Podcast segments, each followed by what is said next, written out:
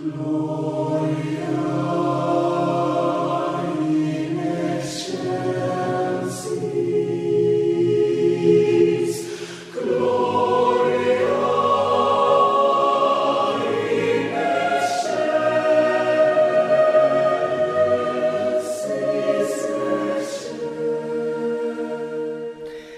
jy het nou al vir baie jare ondervinding met kore.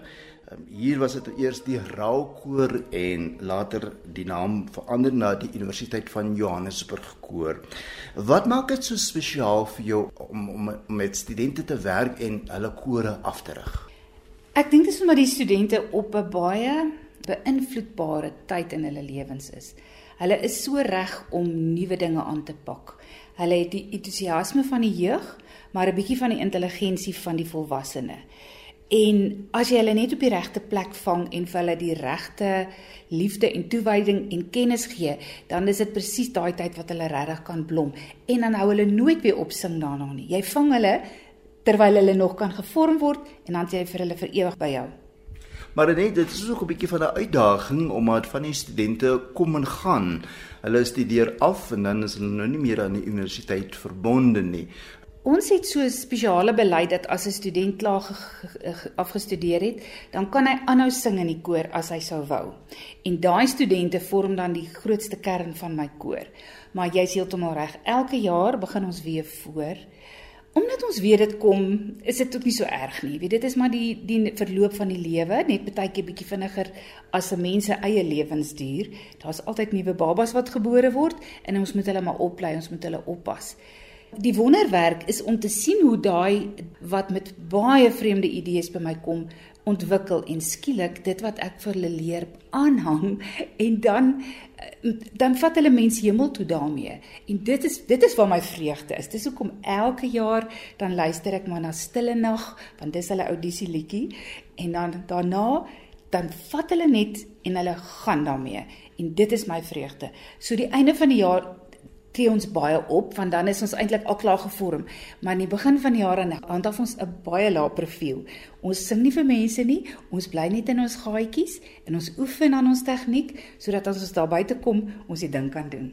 Nou jy praat van tegniek en en die vorming van die stem.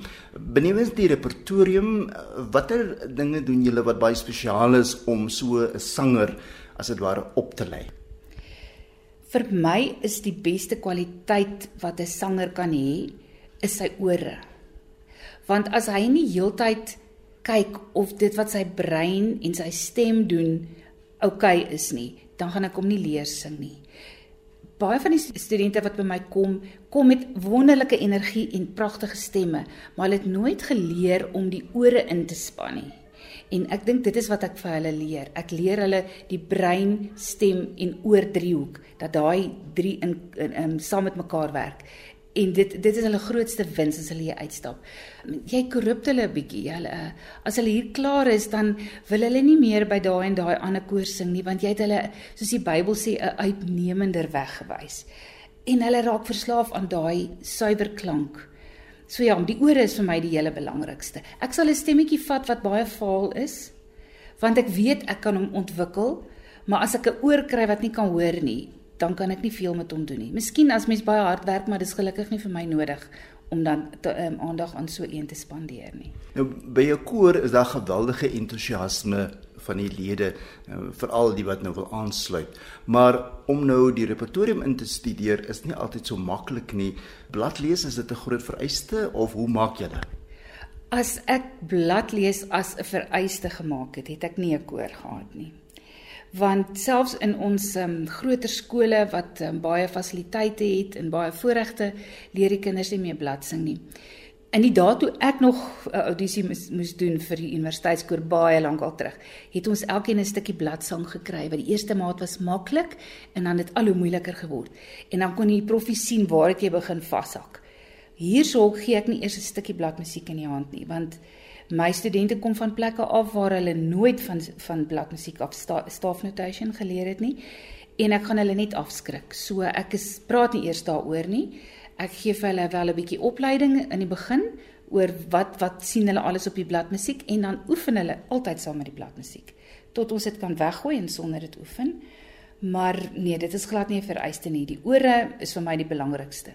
Uh, Renet, jy het nou al so baie kore afgerig, nie net die universiteitskoor nie, en jy was ook betrokke by ander tipe van musiekopvoerings en dan ander dinge gedoen in in terme van musiek en sang. Maar wat sou jy sê staan vir jou uit? Wat is van die hoogtepunte wat jy graag wil onthou? Dis 'n vraag wat mense my dikwels vra, maar die antwoord is baie um, meer beskeie as wat jy dalk gaan dink. Daai oomblikke in 'n konsert waar alles gaan stil staan. Die die oomblik wanneer almal by jou is en doen wat jy vir hulle sê en dit is vir my die hoogtepunte. En dit is die memories, die herinneringe wat ek saam met my gaan vat. Ek kan vir jou vertel van groot uitvoerings waar daar 1000 mense gesing het. Dit doen dit nie vir my nie hoe kleiner, hoe meer intiem, hoe meer almal op dieselfde golflengte is, dis die hoogtepunte. Um, ek het wel 'n paar uitvoerings gedoen wat my bietjie bo kan die ander uitstaan. Onder andere het ons twee werke van Carl Jenkins uitgevoer, twee in jaar uitmekaar. Die een was die Armed Man in die stadsaal en die Stabat Mater so 2 jaar daarna. Reed ek wil juist vir jou daaroor vra. Ek was self by die opvoering of uitvoering van die uh, uh Armed Man en julle was baie bevoorreg dat die komponis self hier was en jy het ook as solis opgetree by een van hierdie opvoerings. Dit was baie spesiaal vir jou gewees het om met 'n kom ons noem dit maar 'n lewende komponis te kon werk en van sy werke uit te voer. Dit was nog 'n uitdaging want ehm um, die jaar toe ons die Stabat Mater gedoen het, het ons ook een of ander variasies gedoen en Magda de Vries het uh, nog die marimba gespeel daarvan en ons het sy Palladio suite gedoen en hy het in die wings gestaan. Kyk hoe ek reageer. Dit was bietjie bietjie erg, maar Hy wou nie baie uh, rehearsals of oefeninge met die orkes gedoen het nie. Hy wou hê ek moet die orkes voorberei en die kore en hy het net een oefening gehad, een run through en en dit toe gedirigeer. So al die werk het op my afgekom. Dit was bietjie 'n vuurdoop. Ek sien nou nog mense uh, soos Jan Hoorberg wat nou die dag vir my sê, die fagotspeler, dat dit een van die hoogtepunte in sy lewe was. Nou praat ek van 15 jaar terug.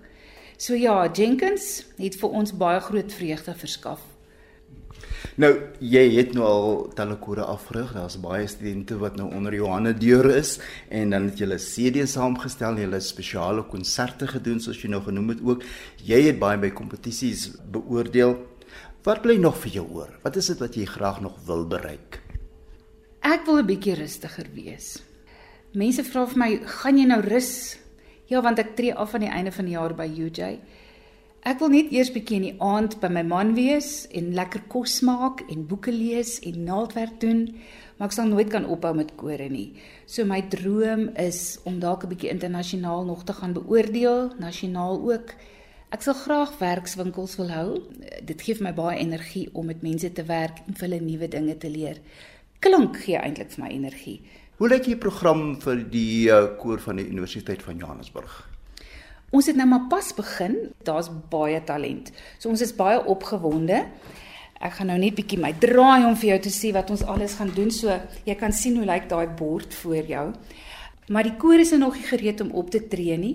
Die gradeplegtighede begin en dit is 'n vuurdoop vir ons. Ons sing oor jare altyd maar daar. Maar ons uh, verwelkom 'n internasionale koor aan die einde van Mei, die Cardinal Singers. Hulle gaan saam met ons konsert hou. Dan gaan ons na die Vryfees toe in Bloemfontein waar ons Mbuso Ndlovu se Artist in Residency program van Afrika musiek daar gaan uitvoer.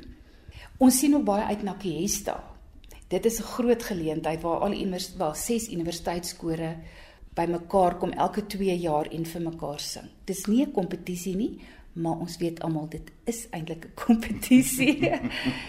en dan het ons ons jaar eindskonsert is die 20ste Oktober by St Michael's and All Angels in Weltevreden. Ons gaan weer opnames maak.